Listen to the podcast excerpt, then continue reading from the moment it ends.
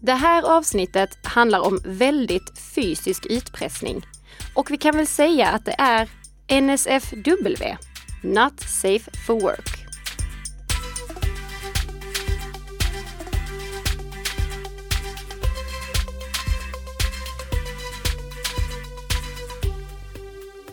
God morgon, god morgon Nika! God morgon, god morgon Tess. Jag ska bara snabbt flika in här att våra kära lyssnare såklart gärna får lyssna på veckans eh, snabbisar eh, på jobbet. Ja, absolut. Men veckans huvudämne ska de kanske ha hörlurar på sig i alla fall ifall de vill lyssna på, på jobbet. Eh, för det, det, kommer vara ett lite speciellt avsnitt av Bli säker-podden som produceras i samarbete mellan Nika Systems och Bredband2. Den här veckan ska vi nämligen prata om ja, minst sagt fysisk eh, utpressning. Ja, minst sagt det. Mm. Och vi ska få, ni lyssnare, ni ska också få någonting som jag faktiskt vågar lova er att ni aldrig någonsin kommer få igen. Den här veckan kommer jag nämligen bjuda på Nickas sextips. Ja, det, här, ja, det kommer bli spännande, så häng på. Men ja. först veckans nyheter. Japp. Vad har vi här om sårbarhet i VLC, Nika? Precis. Förra veckan då pratade vi om hur fantastiskt det är med våra webbläsare som inte behöver massa mediaspelartillägg som Real Player eller Flash eller Windows Media Player eller Quicktime för att kunna spela upp filmer. Mm. Det har ju då stora fördelar ur ett säkerhetsperspektiv i och med att webbläsarna uppdaterar sig själva. Men vi har ju fler mediaspelare. Det är ju inte bara mediaspelare som är i webbläsaren. Och bland de mediaspelare som vi installerar på våra datorer är ju VLC kanske den absolut mest populära. Mm. VLC är ett, eh, en sån här mediaspelare och ett program som är i min standardverktygslåda. Eh, ett sånt program som jag brukar installera på de flesta datorer. Mm. Och nu har det tyvärr upptäckts igen en sårbarhet i VLC Media Player där eh, en angripare kan preparera en eh, liten eh, mediafil så att den kör skadlig kod när den öppnas i VLC Media Player. Aj då, aj då. Ja, det är egentligen inget speciellt anmärkningsvärt för att sånt här ser vi hela tiden med mediaspelare. Så det här är inte på något mm. sätt en avrådan från VLC Media Player. Anledningen till att jag vill lyfta det, det är för att påminna om att de saker som inte uppdateras automatiskt, de måste man se till att uppdatera själv. Mm. VLC Media Player uppdateras automatiskt när du startar programmet. Men om du har laddat ner en infekterad fil och dubbelklicka på den, då kommer ju den här uppdateringsnotisen att dyka upp för sent. Så därför skulle jag vilja uppmana alla att ha i åtanke att gå igenom de program som ni har på datorn, avinstallera dem ni inte använder och se till att till exempel i samband med patch-tisdagen kolla ifall det finns uppdateringar till programmen som inte uppdateras antingen automatiskt eller uppdateras via appbutiken i operativsystemet. Det är ju mm. väldigt smidigt att ha sina applikationer via appbutiken i och med att de då liksom uppdateras med ett knapptryck. Du trycker på uppdatera och så uppdateras alla dina applikationer. Men det är ju långt ifrån alla applikationer som finns i Mac App Store eller i Microsoft Store. VLC finns faktiskt i Microsoft Store, men det är en avskalad version, så det är inte någonting jag hade rekommenderat där. Men det hade varit fint ifall det fanns möjlighet att ha alla appar via appbutikerna. Sen förstår jag självfallet att inte det är intressant för alla apputvecklare att ha sina appar där i och med att de då måste gå under de riktlinjer som finns för respektive appbutiker. Det är egentligen bara på Linux som det här fungerar, där det är betydligt öppnare. Mm. Men eh, en liten påminnelse, kom ihåg att eh, även uppdatera de programmen som ni har på era datorer om de inte uppdateras automatiskt. Och då är det framför allt till exempel VLC Media Player eller eh, 7zip. 7zip är också ett sånt här program du vet, man använder för upppackning av eh, komprimerade arkiv. Också ett sånt program som kan attackeras eh, genom att man dubbelklickar på en fil och får datorn infekterad ifall programmet inte är uppdaterat. Mm. Så det, kom ihåg, alla sådana här små verktygsprogram, se till att hålla dem uppdaterade. Till exempel genom att leta efter uppdateringar åt dem på patch-tisdagen. Och nu framförallt VLC Media Player, passa på att uppdatera direkt. Det har inte hittats några exempel på att den här sårbarheten används i aktiva attacker än. Nej. Men det är ju en tidsfråga innan det sker. Mm. Vet du vad, som, vad det var för dag i onsdags? Det var en dag som vi eh, för tredje året då troligtvis nu kämpar för att eh, ska försvinna. Ja, det är nämligen så att det var lösenordsbytardagen. Eh, och du vet vad, det kanske är faktiskt nu det händer att det här mm. skrotas. Eh, för tidningen PC för alla, som enligt dem själva då började införa dagen 2010, har nu gått ut med att dagen är förlegad och att de nu säger farväl till dagen. Och även du Nicka var ju med i en artikel hos ja, dem. Det, eh, Billy på PC för alla ringde mig och frågade ifall jag kunde svara på lite frågor. Vilket jag gladligen gjorde för att äntligen förklara att den här dagen, den har spelat ut sin roll. Jag är trött på den. Jag var trött på den när vi gjorde första avsnittet av Bli säker-podden. Eh, och det är verkligen dags att lägga ner lösenordsbytardagen och ersätta den med någonting bättre. Till exempel lösenordshanterardagen. Ja, det hade väl varit bra. Mm. Ja. Men trots att vi inte vill eh, egentligen uppmärksamma den här lösenordsbytardagen så kommer jag ändå uppmana våra lyssnare till att byta om man har något av de lösenord som jag nu kommer att läsa upp. För det är nämligen eh, några av de tio mest vanliga lösenorden i världen enligt en rapport från Nordpass. Här, här, vill jag då bara flika in att anledningen till att vi använder Nordpass som eh, datakälla det här året, mm. det är att tidigare år har ju den här rapporten tagits fram av Splashdata. Men de, de, har inte gjort det i år. Nej, eh, Däremot så nog. gjorde Nordpass det. Men det här är absolut inte en rekommendation av Nordpass lösenordshanterare under några som helst omständigheter. Så det, det, är bara Nordpass som är datakällan här. Det här är inte en rekommendation av Nordpass. Jag har ju tvärtom avrådit från deras lösenordshanterare tidigare. Ja, Ja, det är bra. För, förlåt att jag Nej, men Det är bra för förtydligandet. Det är bra. Men nu kör vi då. Så tio stycken lösenord kommer här. Nummer ett.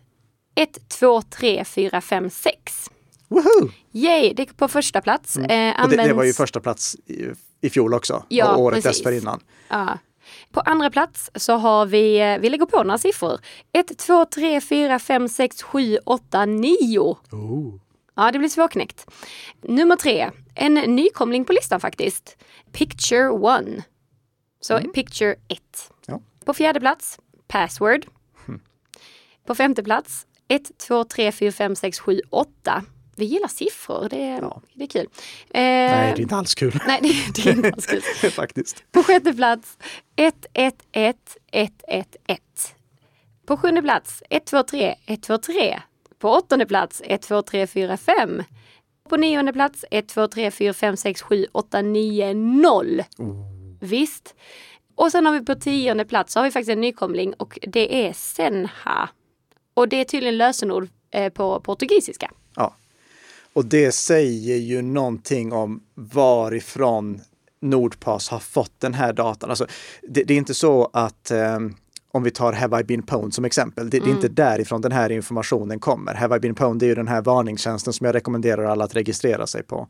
Men det är inte därifrån datan kommer i och med att lösenorden ligger inte i klartext där. Nej. Och i det här fallet så behöver Nordpass och tidigare Splashdata har tillgång till lösenorden i klartext för att kunna göra den här sammanställningen. Så det är ett begränsat underlag de har. Och här har vi då troligtvis en eh, stor andel användare som talar portugisiska var det va? Ja, precis. Eller eh, har registrerat sig på tjänster som har någonting med bilder att göra i och med att Picture One också var med här. Mm. Så ett, vi, vi, får tänka på att det är begränsat vilket underlag som en sån här rapport kan göras utifrån. Mm. Verkligen. Det är bra. Men i alla fall, har du som lyssnar på den här podden något av de här lösenorden så bör du ju faktiskt byta dem. Ja, det bör du definitivt. Mm. Och det bör du också göra ifall en eh, ett av dina lösenord figurerar i en lösenordsläcka. Det, det är det som är uppmaningen som vi försöker trumma in, att ha starka lösenord, ha unika lösenord och byt lösenord ifall det finns risk för att lösenordet kan ha hamnat på avvägar. Mm. Och bara den här senaste veckan så har vi haft två exempel på det. Först var det forumet för OpenVRT, den här populära alternativa mjukvaran för många routrar. Mm. Deras forum hade en liten incident där någon lyckades logga in som administratör. Oj då. Och på så sätt kan ha kommit åt känslig information inklusive då användaruppgifter. Så mm. om eh, man har ett konto på OpenVRTs forum så bör man byta lösenord dit. Det har OpenVRT skickat ut information om och de gjorde jättebra. De får en guldstjärna för hur Nej. de hanterade. Jo. Ah.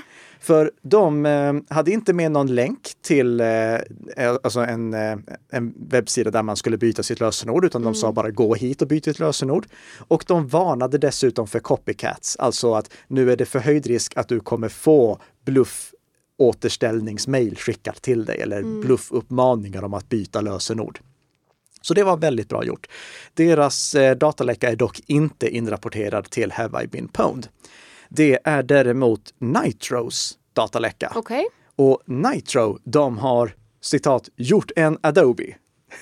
alltså, okay. ja. vad, vad innebär det? Att göra en Adobe, det innebär att du läcker lös. nej, nej. Okej, okay, um, Adobe, de är ju kända för att de bland annat ligger bakom det populära, den populära pdf-visan Acrobat Reader. Mm. Och 2013 så råkade de ut för en jättedataläcka där de läckte 152 eller 153 miljoner användares användarnamn och lösenord. Mm. Nitro är en av konkurrenterna på pdf-fronten. Nitro gör också en pdf-visare. Jaha. Och de har nu läckt, eh, vi ska se här, enligt Bleeping Computer 77 miljoner användares eh, användaruppgifter. Oj, oj, oj, det är nästan där. Ja, mm. och den eh, dataläckan är inrapporterad till eh, Have I been pwned. Så ifall du prenumererar på notiser från Have I been pwned, vilket vi alltså rekommenderar alla att göra, då har du fått en notis om att det är dags att byta ditt lösenord dit. Mm. Vi har den sista nyheten. Massflykt från WhatsApp. Precis. För två veckor sedan, då pratade vi om att eh, WhatsApp hade ett nytt användaravtal för amerikanska användare. Och det har lett till en massflykt eftersom det här användaravtalet öppnar för att WhatsApp delar mer data med sitt eh, föräldraföretag Facebook. Mm. Det har blivit också en succé för en av våra favoritappar, nämligen Signal. Eh, för Signal har fått en, eh, ett enormt inflöde av tidigare WhatsApp-användare som nu byter till Signal istället. Mm. Faktiskt så många att först så fick Signal problem med att skicka ut verifieringskoder tillräckligt snabbt. Och nu under den gångna helgen så eh, ja, så hela Signal stod still det började ju redan när du och jag testat här i fredags och vi skulle intervjua två stycken gäster som kommer i en kommande podd. Mm. Ja, Vilka kan det, det vara? Mm. Eh, en liten eh, intervju som vi har bandat och eh, de kommunicerade vi självfallet med på Signal och det gick inte att skicka alla meddelanden. Och sen på kvällen så gick det knappt att få fram meddelanden överhuvudtaget. Och Signal hann helt enkelt inte skala upp i takt med att WhatsApp-användare flydde till Signal. Det blev också en succé för Telegram, en, av, en annan konkurrent. Mm. Telegram fick enligt eh, en tweet 25 miljoner nya användare på 72 timmar och är nu uppe i över 500 miljoner aktiva användare. Oj! Ja det är faktiskt oj i flera bemärkelser, för en annan oj-anledning är varför i hela friden någon använder Telegram. Jag var tidigare en stor Telegram-förespråkare. Ja. Men då poängterade jag också att det var en, på den tiden, bra balans mellan användarvänlighet och säkerhet. Nu finns det ingen anledning att använda Telegram egentligen. Telegram är inte ens end-to-end krypterat som standard och deras end-to-end krypterade lösning fungerar asdåligt. Mm. Så Ja, eh, det, det, skulle möjligtvis vara för att det är många som har typ forum i meddelandeform på Telegram. Det skulle man kunna ha ah, till. Okay. Hur som helst, det har varit en massflykt från WhatsApp. Mm. Och eh, WhatsApp har därför bestämt sig för att ja, men det här var kanske inte så där jättebra så vi fördröjer det här till att träda i kraft så vi kan informera tydligare om vad det är som egentligen kommer ske. Så det här nya användaravtalet kommer inte forceras förrän den 15 maj. Och um, vi ska se här, eh, WhatsApp har gått ut med lite tydligare information också om varför det här nya användaravtalet och integritetsavtalet införs. Mm. Och det är för att uh, de vill kunna öppna upp möjligheten att interagera bättre med företag på plattformen. Aha. Facebook kan ju inte monetisera uh, WhatsApp på samma sätt med annonser. Nej, det är klart. Så de hittar säkert nu, eller de letar efter andra affärsmodeller för WhatsApp. Och då är kanske företagsförsäljning via WhatsApp en, en, en, mm. en väg att gå. Jag har sett lite konstiga påståenden också kring det här. I förra, avsnittet då berättade vi inte vad det var för information som skulle delas från WhatsApp till Facebook. Så jag vill bara för tydlighetens skull här understryka att det handlar inte om innehåll i meddelanden. Det är inte det som kommer delas med Facebook. För WhatsApp, det är ju end-to-end krypterat. WhatsApp använder ju signalprotokollet mm. som vi har gått igenom tidigare. Så det, det, är inte innehåll i meddelanden som ska delas utan det handlar om metadata, information som beskriver informationen. Till exempel eh, Eh, enhetens telefonnummer, enhets-id, plats, vilken eh, interaktion som görs med företag. Och en sammanställning över de här förändringarna finns hos Android Authority, så jag lägger en länk till det i våra show notes. Men i alla fall, det blir en liten fördröjning i utrullandet av det här eftersom WhatsApp inte riktigt fick användarna med sig i den här förändringen. Ja, och då var det äntligen dags för veckans huvudämne och det är ju faktiskt ett ämne som vi aldrig har pratat om tidigare. Nej.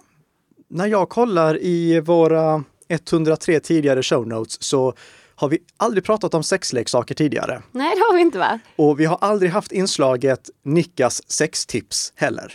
Nej, men nu kommer de. Nu kommer de ja. och eh, ni kan vara lugna. Det här är det enda Bli säker-podden avsnittet där det kommer finnas med. Det kommer inte vara ett stående inslag i Bli säker-podden. För att eh, förklara lite bakgrunden till det som vi ska diskutera så är det en rapport som, eh, som publicerades i oktober 2020. Då upptäckte nämligen Pentest Partners, passande namn, och eh, Internet of Dongs att eh, en sexleksak eller ett manligt kyskhetsbälte vid namn Cellmate hade ganska allvarliga brister. Jag funderade redan då på ifall eh, vi skulle lyfta den här nyheten i Bli säker-podden, men hoppade över det då för det fanns andra saker som var viktigare. Men nu har det hänt saker på utpressningsfronten mm som gör att vi måste lyfta det här i Bli säker-podden. Även om det är ett eh, lite eh, pinsamt ämne att prata om kanske. Och eh, för att vara väldigt eh, öppna, jag dömer absolut ingen. Om någon tycker att det här verkar vara en bra idé att ha så får ni jättegärna köpa den. Det jag lägger mig överhuvudtaget inte i vad ni gör i sovrummet. Det är upp till er. Men ni ska få två stycken tips med er för att eh, kunna praktisera eh, säkert sex, men ur ett digitalt perspektiv. Mm, ja, ja, men så skulle man kunna säga. ja. ja. Okej, okay. Vad var det då som Pentest Partners och eh, Internet of Dongs hade upptäckt? Jo, de hade upptäckt att eh, det här manliga kyskhetsbältet Cellmate, det var ju då ett smart kyskhetsbälte. Ett kyskhetsbälte som var uppkopplat via mobilen. Mm -hmm. Och här hör alla våra lyssnare att det här kommer inte sluta bra. Nej. Nej, och det kommer det inte. De upptäckte att eh, för att eh, använda det här manliga kyskhetsbältet som då applicerades på ett sätt som gjorde att eh, mannen inte kunde vara otrogen. Mm. Eller i någon BDSM-lek eller någonting sånt, vad vet jag. Det applicerades då runt ett eh, känsligt organ på honom och låstes med hjälp av mobilen.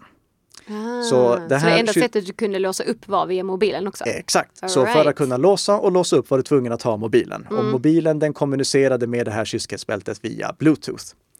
Men kyskhetsbältet gjorde det också möjligt för en partner att låsa och låsa upp det på distans. Så det var i sin tur kopplat till en molntjänst Aha. där användare skulle registrera sig för att kunna dra nytta av det. Okej. Och nu tror jag att ni hör att det här börjar vara ännu värre. Okej, vänta här nu, nu ska vi ha sexleksaker med registrering på molntjänst. Låt mig krydda det med att Pentest Partners och Internet of Dongs konstaterade att det här var en av de sämsta molntjänsterna ur ett säkerhetsperspektiv. Det, det, att det var sämst var min tolkning av det. Eh, men hör här på vad som de kunde få den här tjänsten till att läcka.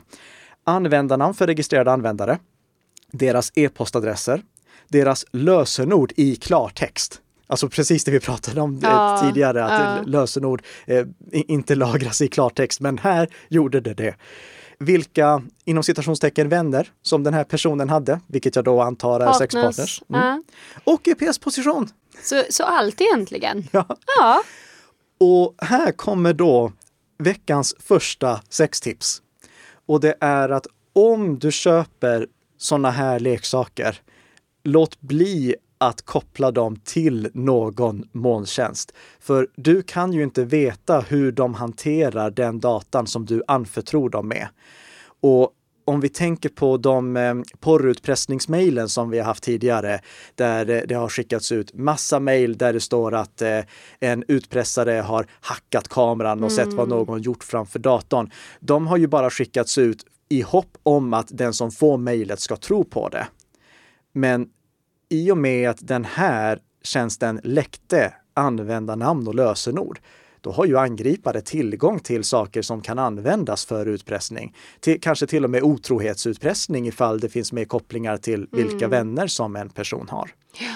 Men mm. eh, det tar inte slut här.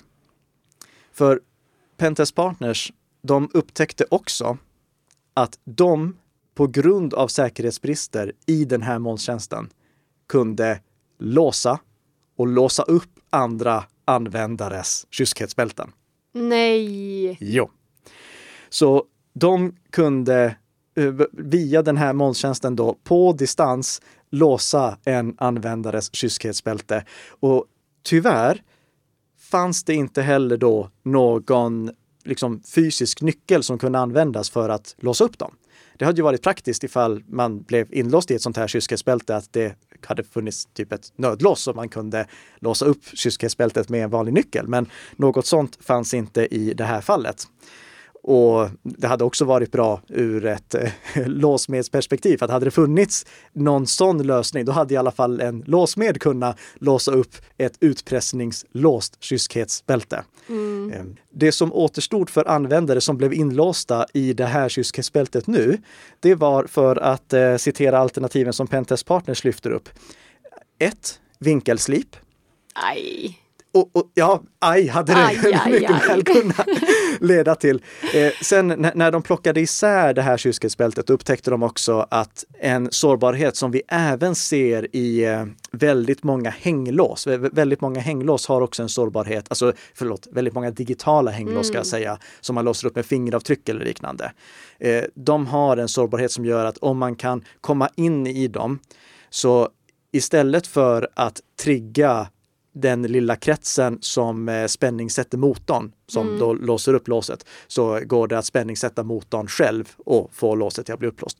Det upptäckte de att det gick också. Okay. Så om man öppnade upp dem, klippte av två stycken kablar så kunde man ja, koppla dem till ett batteri och på det sättet få motorn till att snurra och på så sätt låsa upp det. Men troligtvis ändå inte någonting som man tycker är sådär jätteroligt att göra med ifall man sitter fastlåst i det här. Pentest Partners hade självfallet kontakt med utvecklarna av det här, men de skötte sig inte när det kom till eh, hur de skulle hantera den här incidenten. Och därför valde Pentest Partners att i oktober tillsammans med Internet of Dongs då att gå ut med den här informationen publikt. Det gjorde de eftersom de visste att det fanns fler som kände till att den här sårbarheten fanns. Mm. Så då var det bäst att mm. informera alla användare också att tänk på att er, er information kan läcka via den här mm. molntjänsten och tänk på att ni kan bli inlåsta i den här. Plus att eh, det här företaget, de aviserade en, en annan produkt som, om vi ska uttrycka det här fint, inte då var tänkt att sättas utanpå någonting, utan tänkt att sättas in i, i, i någonting. Mm, okay. uh. Och om någon skulle kunna låsa fast någonting inuti i någonting annat så är det ju ännu värre i och med att då blir det svårt att komma åt med vinkelslip till och med. Ja, verkligen. Så de gick liksom ut med en varning för att det, det, här är inte någonting ni bör använda. Och då kommer vi in på mitt andra sextips för den här veckan. Ja. Nämligen att om ni köper sådana här leksaker, se till att det finns möjlighet att låsa upp dem med nyckel. Mm. För eh, eh, i värsta fall så kan i alla fall en låsmed få upp dem utan att det behöver orsaka något, någon skada på organ som är viktiga för att reproduktionen ska fungera. Mm, ja, precis. Så, vad var det som hände nu då tidigare i januari som är anledningen till att vi lyfter just det här nu? Jo, Vice rapporterar att en man faktiskt har blivit utpressad. Nej! Jo. Så de har konstaterat och bekräftat att en man blivit utpressad, fått, ett, fått sin sådana här cellmate kyskhetsbälte låst och krävt på 0,02 bitcoins motsvarande 5800 kronor för att få det upplåst. Oj, betalar han det då? För att... Nej, han hade det lyckligtvis inte på sig när det här ah, hände. Okay, okay. Så i alla fall enligt den utsagon som han gav till ah. Vice. Så wow. det, han klarade sig där. Men det här problemet, det kommer vi nog tyvärr att få se fler exempel på. För i och med att det var så lätt att kunna låsa de här på distans och i och med att eh, det gick att liksom automatisera. All, allting som går att automatisera är någonting som bedragare drar nytta av. De automatiserar att kunna utföra en utpressningsattack mot väldigt många så att det blir lite handpåläggning per enskilt offer. Och det hade de möjlighet att göra här i och med att de liksom kunde låsa alla, mm. Eh, alla sådana här kylskåpsbälten på distans och dessutom hade kontaktuppgifterna till offren. Precis. Så jag misstänker att fler kommer drabbas av det här. Och det här är självfallet inte ett problem som bara berör sexleksaker. Det här problemet kommer vi se i fler Internet of Things-sammanhang där en angripare hittar en sårbarhet som gör att de kan attackera på bred front, attackera många offer med lite handpåläggning och stor konsekvens för offren. Och då är det kanske inte bara att man får sitt könsorgan inlåst, utan det kan vara att man själv blir inlåst eller att ens mm. lägenhet blir låst. Tänk dig att man har ett uppkopplat dörrlås. Oh, Om det finns en sårbarhet där i, då skulle en angripare kunna säga, nej men vi har låst din lägenhet, mm. betala för att få komma in igen. Komma in. ja. Oj, oj, oj. Eller minns du för uh, typ ett år sedan, då pratade vi om den besatta kaffebryggan, en kaffebryggare som blev infekterad, ja, en smart mm. kaffebryggare. Mm. Och det är ju också någonting som jag verkligen eh, hade oroat mig för ifall jag hade haft en wifi-ansluten kaffebryggare. Tänk dig ifall man får reda på att om inte du betalar, då slår vi på värmeelementet i din kaffebryggare och överhettar den. Mm. Det... Ja, det kan bli få förödande konsekvenser. Ja. Och jag har ju en smart kaffebryggare hemma som brygger kaffe åt mig mm. varje morgon. Men den är ansluten till en liten Z-Wave fjärrströmbrytare som bara kommunicerar lokalt med min Z-Wave controller. Så det, det, går inte att attackera min kaffebryggare över internet. Mm. Och det, det, är ju en, en trygghet för mig. Och det är någonting som vi måste tänka på nu när vi skaffar allt fler smarta prylar. Låt det här vara ett talande exempel. Tänk er att de här sårbarheterna, de finns inte bara i saker som används i sängkammaren, utan sådana här sårbarheter hittar vi i allt för många uppkopplade prylar. Men eh, jag tror att poängen har gått fram. Jag hoppas det i alla fall. Ja, mm. absolut. Mm. Ja, gott. Det var då veckans två sextips. Enda gången som vi kör det i, vecka, i, i Bli säker-podden. Men Bli säker-podden, den kör vi däremot ett nytt avsnitt av nästa vecka. För då är vi tillbaka med ett nytt avsnitt som gör dig lite säkrare för varje vecka som går. Fredag månader med Nicka och Test precis som vanligt. Vi hörs då och tack för att ni har lyssnat. Ha det fint!